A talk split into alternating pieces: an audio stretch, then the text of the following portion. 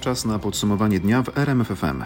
Najważniejsze wydarzenia wtorku 13 kwietnia to ponownie duża liczba zgonów z powodu COVID-19, powrót uczniów do szkół, punkty szczepień powszechnych, co z pomocą dla przedsiębiorców, co dalej z Rzecznikiem Praw Obywatelskich, paszporty koronawirusowe i powrót zimy. Michał Gardias, zapraszam. 13 227 nowych przypadków koronawirusa. Niestety jest też bardzo dużo zgonów. 644 osoby przegrały z COVID-19. Ministerstwo Zdrowia informuje, że ostatniej doby wykonano ponad 81 tysięcy testów.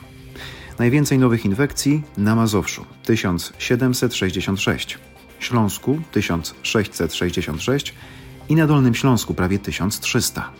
Ponad tysiąc zakażeń jest jeszcze w Wielkopolsce, Małopolsce i w. W szpitalach przebywa 34 619 pacjentów. Pomocy respiratora potrzebuje 3513 osób. Jak informuje nasz dziennikarz Grzegorz Kwolek. Najnowsze dane porównamy teraz z tymi z dnia poprzedniego i sprzed tygodnia. W stosunku do wczoraj widać wyraźny wzrost. Poniedziałek resort zdrowia informował o 12 013 zakażeniach i śmierci 61 osób zakażonych.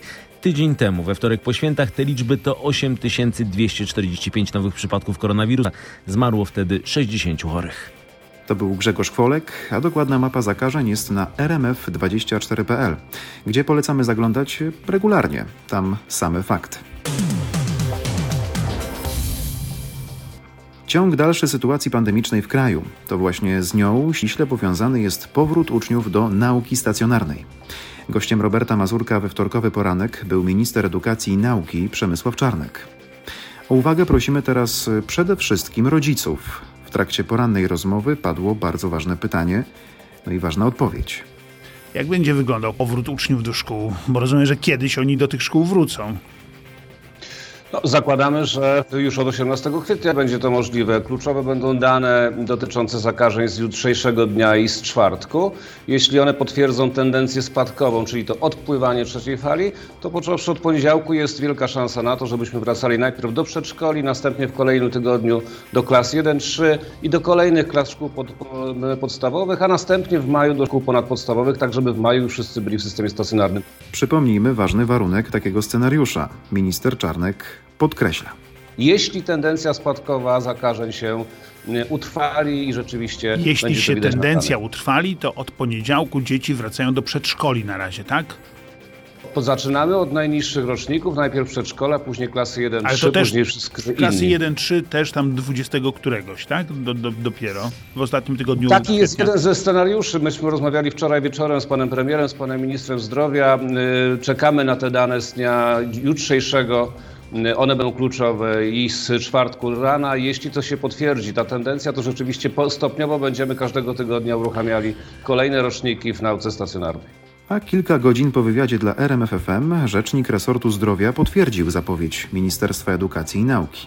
Jeżeli widzimy, że te spadki będą postępować, to żeby w najbliższym czasie otwarte zostały przedszkole i żłobki, a w następnej kolejności, jeżeli te spadki będą postępować, rzeczywiście kolejne roczniki klasy 1-3 i być może, jeżeli uda się, to pójść e, wyżej w stronę kolejnych roczników, ale za wcześnie jeszcze dzisiaj spekulować na ten temat. Na pewno priorytetem są dzieci. A wracając do porannej rozmowy, Robert Mazurek dopytywał też ministra Czarnka o nauczanie hybrydowe. Pomysłem resortu było to, aby połowa uczniów uczyła się z domu, a druga połowa w tym samym czasie zasiadała w szkolnych ławkach. Co o takim rozwiązaniu mówi Czarnek? Nie, nie, to jest, to jest nasza propozycja alternatywna, tak żeby mm, wszyscy naraz ewentualnie, być może za tydzień, być może za dwa tygodnie, w zależności, jeszcze raz powtarzam, od sytuacji epidemicznej, mogli wracać do szkoły. Ta hybrydowa forma właśnie na tym miałaby po- by, by polegać, żeby w, szkole było do 50% uczniów. Szkoły są na to przygotowane, rozmawiałem także z panem ministrem Zagórskim wczoraj. Y, Wszystkie szkoły są podłączone do internetu, Y, 80% szkół podłączone są światłowodem, te 20%, do których światłowód nie doszedł, są w tym LTE, bardzo szybkim internecie, więc nie ma problemu, żeby również naukę hybrydową w ten sposób zorganizować. Ale to nie jest w tej chwili jeszcze przesadzone, że będzie nauczanie hybrydowe, tak? To nie jest przesądzone, to jest jeden ze scenariuszy, który leży na stole po to, żeby jak najszybciej dzieci wszystkich roczników mogły wrócić do nauki stacjonarnej, bo to jest konieczne. A więc jak słyszymy, to na razie pomysły. To, co w tym momencie jest pewne, to matury. Uczniowie mają coraz mniej czasu na powtórki. Szef resortu edukacji i nauki był pytany, czy termin egzaminów jest ostateczny. Czy może w ministerstwie pojawiają się pomysły na ich przesunięcie? Nie ma najmniejszych powodów, żeby cokolwiek przesuwać. Mówimy to już od dłuższego czasu. Matury próbne pokazały, że jest możliwe przeprowadzenie w reżimie sanitarnym tych matur. Od 4 maja ruszamy. Życzymy powodzenia naszym maturzystom. Po to również obniżyliśmy nieco mm, wymagania i zmieniliśmy wymagania 16 grudnia w rozporządzeniu jako pierwsi, jedni z pierwszych w Europie, żeby maturzyści wiedzieli na czym stoją, krótko mówiąc, Mówi pan, że nie ma najmniejszych 4 powo- maja ruszamy. Mówi pan, że nie ma najmniejszych powodów, to ja pozwolę sobie przypomnieć, że rok temu było jakieś 20 razy mniej zakażeń, a matury i egzaminy ósmoklasistów były przesunięte o, o, o miesiąc.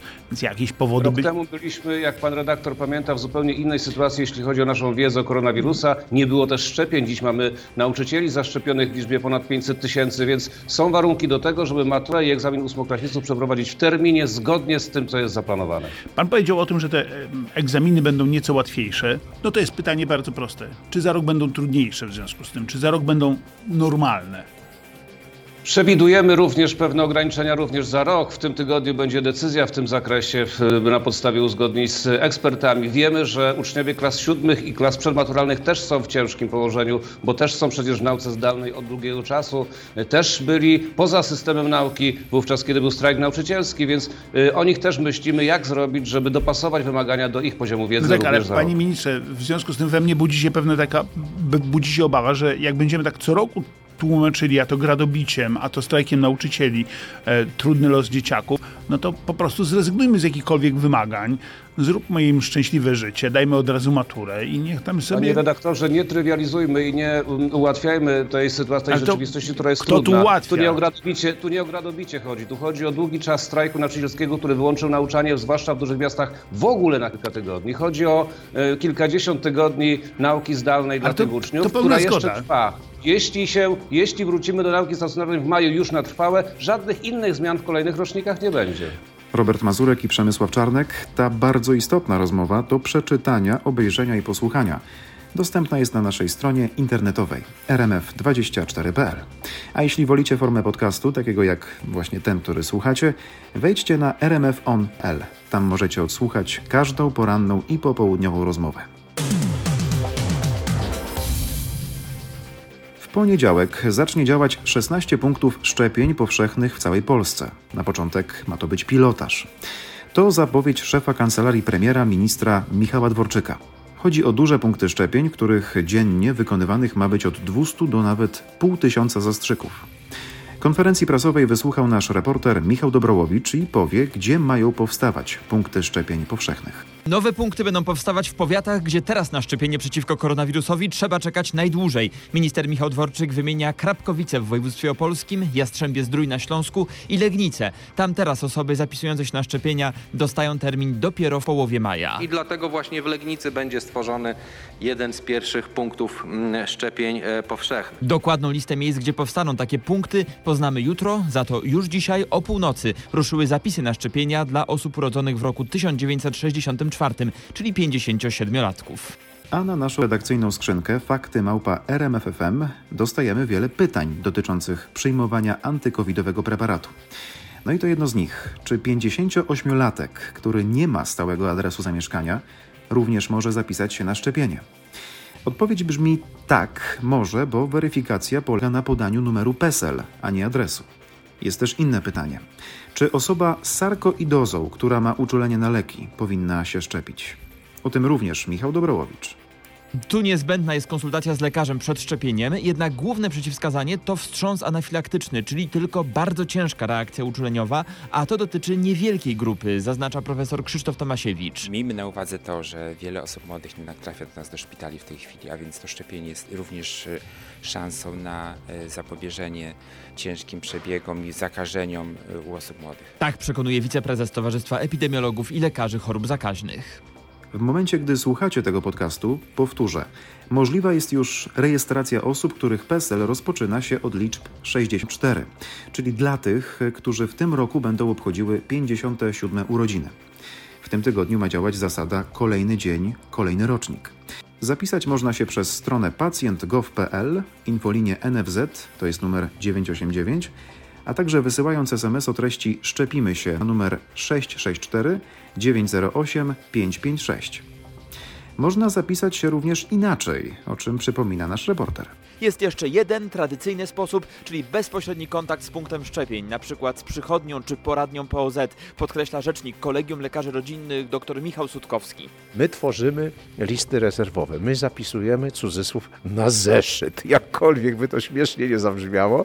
Czasem po prostu czerpiemy z tych pacjentów, nie chcąc, żeby się zmarnowała szczepionka. Co ważne, zapisywać się na szczepienie nie muszą już osoby, które wypełniły formularz internetowy. Taki formularz był dostępny na początku roku, w nim można było zadeklarować chęć bycia zaszczepionym. Te osoby teraz dostaną propozycję konkretnego terminu na szczepienie, telefonicznie albo w SMS-ie.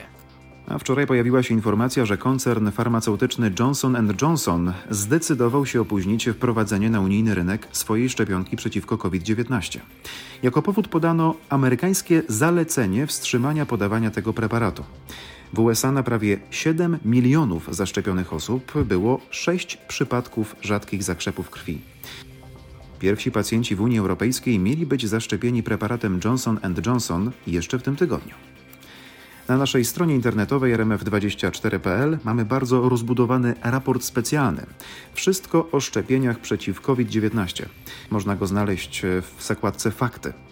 Są tam najświeższe informacje, m.in. kompleksowy poradnik dla szczepiących się, a także harmonogram kolejnych zapisów. Serdecznie polecam.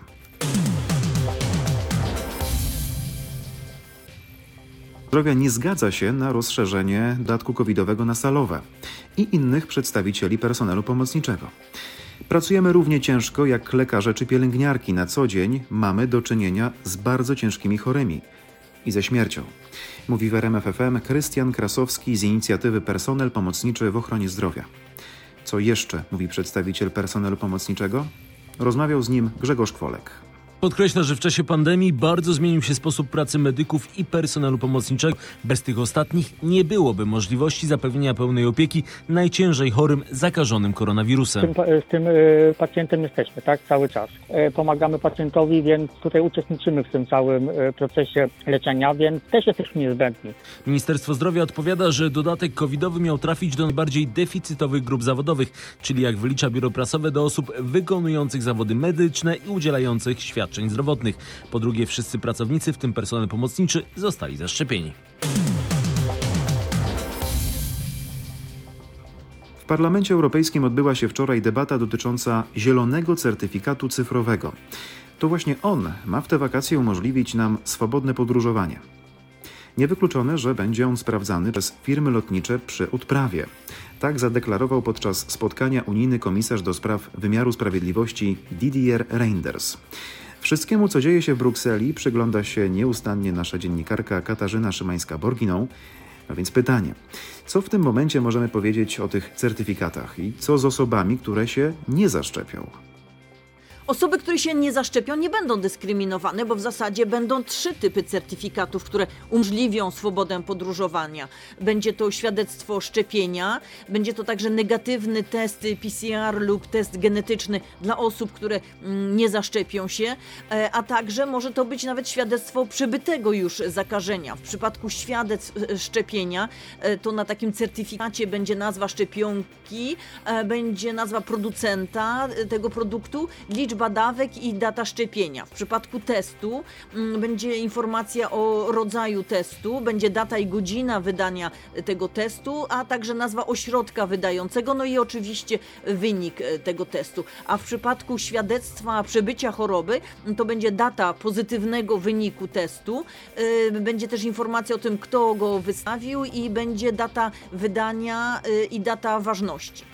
Certyfikaty y, będą darmowe, będą wydawane w formie elektronicznej lub papierowej w języku polskim i angielskim. Będzie mm, taki certyfikat zawierał kod QR gwarantujący bezpieczeństwo i autentyczność tego certyfikatu.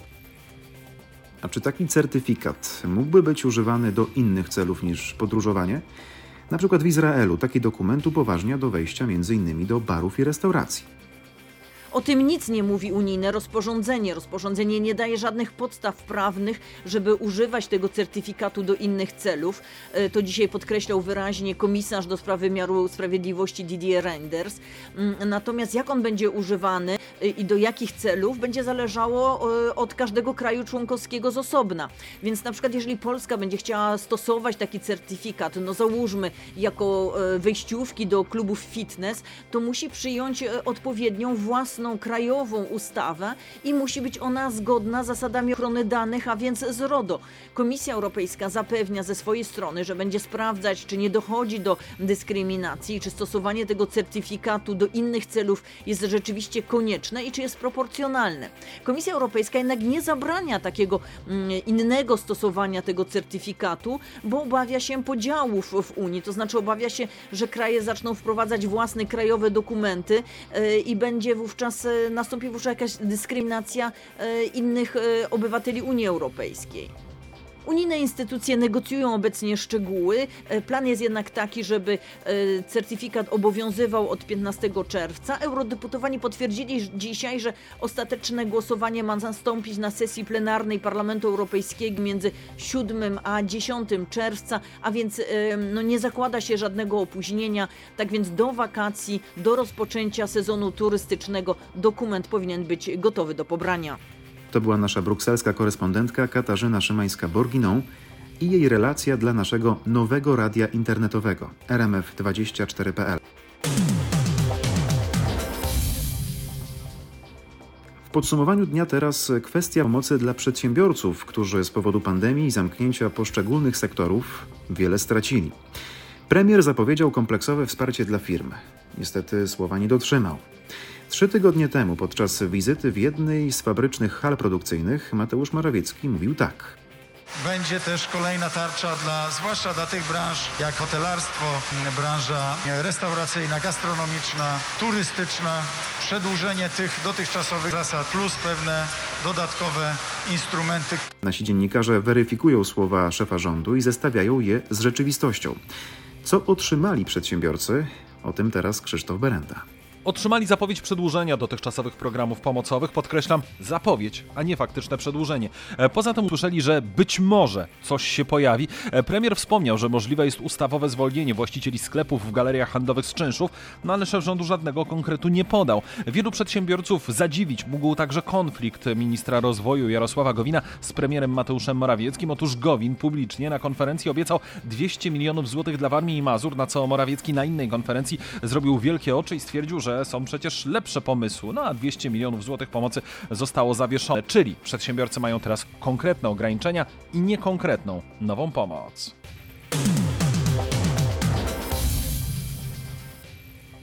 Kilka dni temu ujawniliśmy kulisy nieuczciwej pracy wykonywanej przez przedstawicieli handlowych jednego z partnerów biznesowych spółki Energa Obrót. Mieli oni ukrywać przed klientami dodatkową opłatę. No i w rezultacie, w momencie otrzymania rozliczenia, rachunek był o kilkadziesiąt złotych wyższy. Dzięki Wam, naszym słuchaczom, ustaliliśmy, że takie skandaliczne metody stosowali również inni partnerzy. Teraz Energa zapowiada kontrolę całej zewnętrznej sieci sprzedaży spółki Energa Obrót. Ten proceder ujawnił nasz dziennikarz Kuba Kaługa. Kiedy rusza ta kontrola? Rusza już, a w pierwszej kolejności kontrolowani mają być ci partnerzy biznesowi, którzy zajmują się sprzedażą door to door, ale według e, zapowiedzi nie będzie to koniec. Na polecenie prezesa zarządu PKN Orlen Daniela Obajtka przeprowadzony zostanie audyt całej zewnętrznej sieci sprzedaży energii obrotu, przekazał mi Krzysztof Kopeć z biura prasowego Grupy Energa. Jednocześnie Energa potwierdza, że członkowie grupy sprzedażowej, którą opisaliśmy w zeszłym tygodniu, pracowali także dla innego z partnerów spółki Energa Obrót. Przedstawienie klientowi oferty, w tym między innymi wysokości opłaty handlowej jest obowiązkiem każdego przedstawiciela handlowego, mówi mi Kopeć i zachęca, by ci, którzy czują się wprowadzeni w błąd, kontaktowali się z infolinią energii lub rzecznikiem klienta w spółce Energa Obrót. Na rmf24.pl mamy artykuł opisujący całą sprawę. Kolejny dzień i kolejne znikające pieniądze. Mowa o manku w kasie Centralnego Biura Śledczego Policji w Kaliszu. Jak dowiedział się reporter RMFFM, funkcjonariusze tym razem nie mogą się doliczyć 150 tysięcy złotych. Sprawę bada Biuro Spraw Wewnętrznych oraz prokuratura. Krzysztof Zasada ujawnia kolejne fakty w tej sprawie. Co to za pieniądze? Chodzi o gotówkę zabezpieczoną w domu jednego z podejrzanych, który został zatrzymany przez funkcjonariuszy CBŚP. W dokumentach policjanci, którzy liczyli pieniądze, napisali, że do depozytu trafia 350 tysięcy złotych. Natomiast właściciel, przywołując też świadków, twierdzi, że w kasetce było pół miliona. Sprawa wyszła na jaw, gdy policyjni kontrolerzy przyjechali do oddziału biura w Kaliszu wyjaśniać, gdzie podziało się 20 tysięcy złotych z funduszu operacyjnego. O tym manku w kasie CBŚP poinformowaliśmy w faktach w zeszłym miesiącu. To już trzeci ujawniony ostatnio przez RMFFM problem z niedoborem pieniędzy w policji. Poza Kaliszem w zarządzie w Olsztynie policjanci nie mogą się doliczyć ponad 100 tysięcy euro z depozytu. O tym wszystkim piszemy na naszej stronie w sieci. Warto odwiedzić adres rmf24.pl. Zastępczyni Rzecznika Praw Obywatelskich dr Hanna Machińska skomentowała w RMFFM ostatnie wydarzenia w Głogowie na Dolnym Śląsku. Chodzi o film, który pojawił się ostatnio w internecie. Widać na nim, jak policjant szarpie i bije pałką kobietę, która bierze udział w manifestacji przeciwników koronawirusowych restrykcji. Jak określa dr Machińska w rozmowie z naszym dziennikarzem Marcinem Zaborskim, było to dramatycznie brutalne zachowanie policji. To jest y, kolejne wydarzenie, bardzo tragiczne, powiedziałabym, e, świadczące o y, dramatycznie, powiedziałabym, e, brutalnych e, zachowaniach policji. Co robi, e, co my robimy? Wydane zostało oświadczenie, oświadczenie Krajowego Mechanizmu Prewencji Tortur, w którym jasno stwierdzamy, że doszło do nieproporcjonalnego użycia siły, brutalnego użycia siły, że zresztą widzieliśmy na tym oficjalnym zapisie, prawda? Monitoring nam pokazywał. My również dysponujemy materiałem, który pokazuje nam początek. No właśnie, tu akcji. jest pytanie zasadnicze, bo Państwo mówią brutalne zachowanie policji. E, Pytanie, co się działo wcześniej, przed tym e, konkretnym wydarzeniem, które obserwujemy na filmie. Czy Państwo wiedzą, czy wydarzyło się coś, co mogło sprowokować policjanta do użycia siły właśnie w ten sposób? Y, Chciałabym powiedzieć, że żadne policja musi być przygotowana do różnych sytuacji i do umiejętności zarządzania konfliktem i taką kryzysową sytuacją. Nie może być tak, że policja stojąca vis-a-vis kobiety, e, bo przecież mówimy nie tylko o jednym policjancie, ale tam było bardzo wielu policjantów, sięga po najostrzejsze środki. Zastępczyni Rzecznika Praw Obywatelskich dr Hanna Machińska i nasz dziennikarz Marcin Zaborski. Cała rozmowa jak zawsze na rmf24.pl. Do dziś nie znamy następcy Adama Bodnara na stanowisku Rzecznika Praw Obywatelskich. Jego pięcioletnia kadencja upłynęła 9 września ubiegłego roku, czyli już ponad pół roku temu. To właśnie tą sprawą zajął się Trybunał Konstytucyjny. Ma on zbadać, czy ustawowe przedłużenie kadencji Bodnara w sytuacji, gdy nie został wybrany jego następca, jest zgodne z polską konstytucją. We wtorek zakończyło się rozpatrywanie tej sprawy przez Trybunał, ale wyrok poznamy dopiero w czwartek, czyli jutro. Tym tematem zajął się Tomasz Skory. Czy są wskazówki, jaki wyrok może zapaść?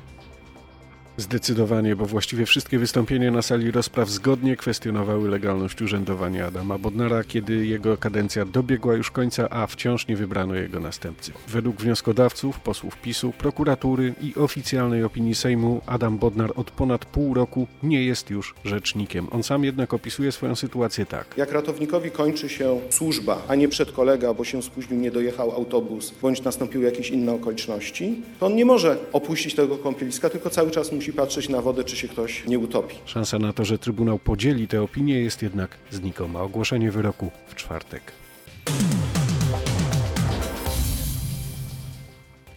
A teraz na chwilę odrywamy się od Ziemi.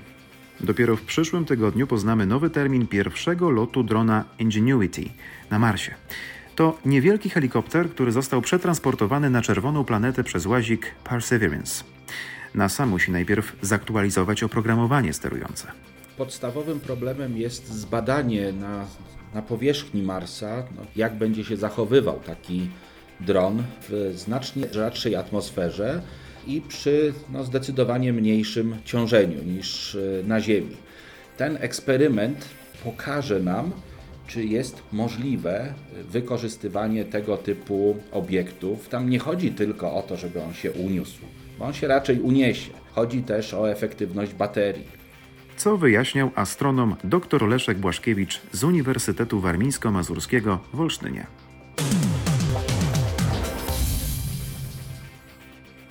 Wiosna tylko w kalendarzu.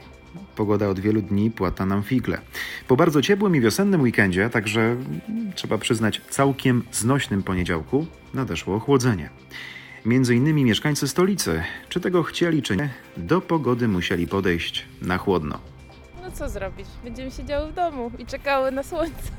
Szkoda mi tylko pieska, bo ja mam maltańczyka, więc ona, to jak to mówią, to są pieski słońca, więc jak jest brzydka pogoda, to jest masakra. No, czyli piesek wtedy też jest nieszczęśliwy. Bardzo, bardzo, bo zalicza kąpiel po każdym spacerze.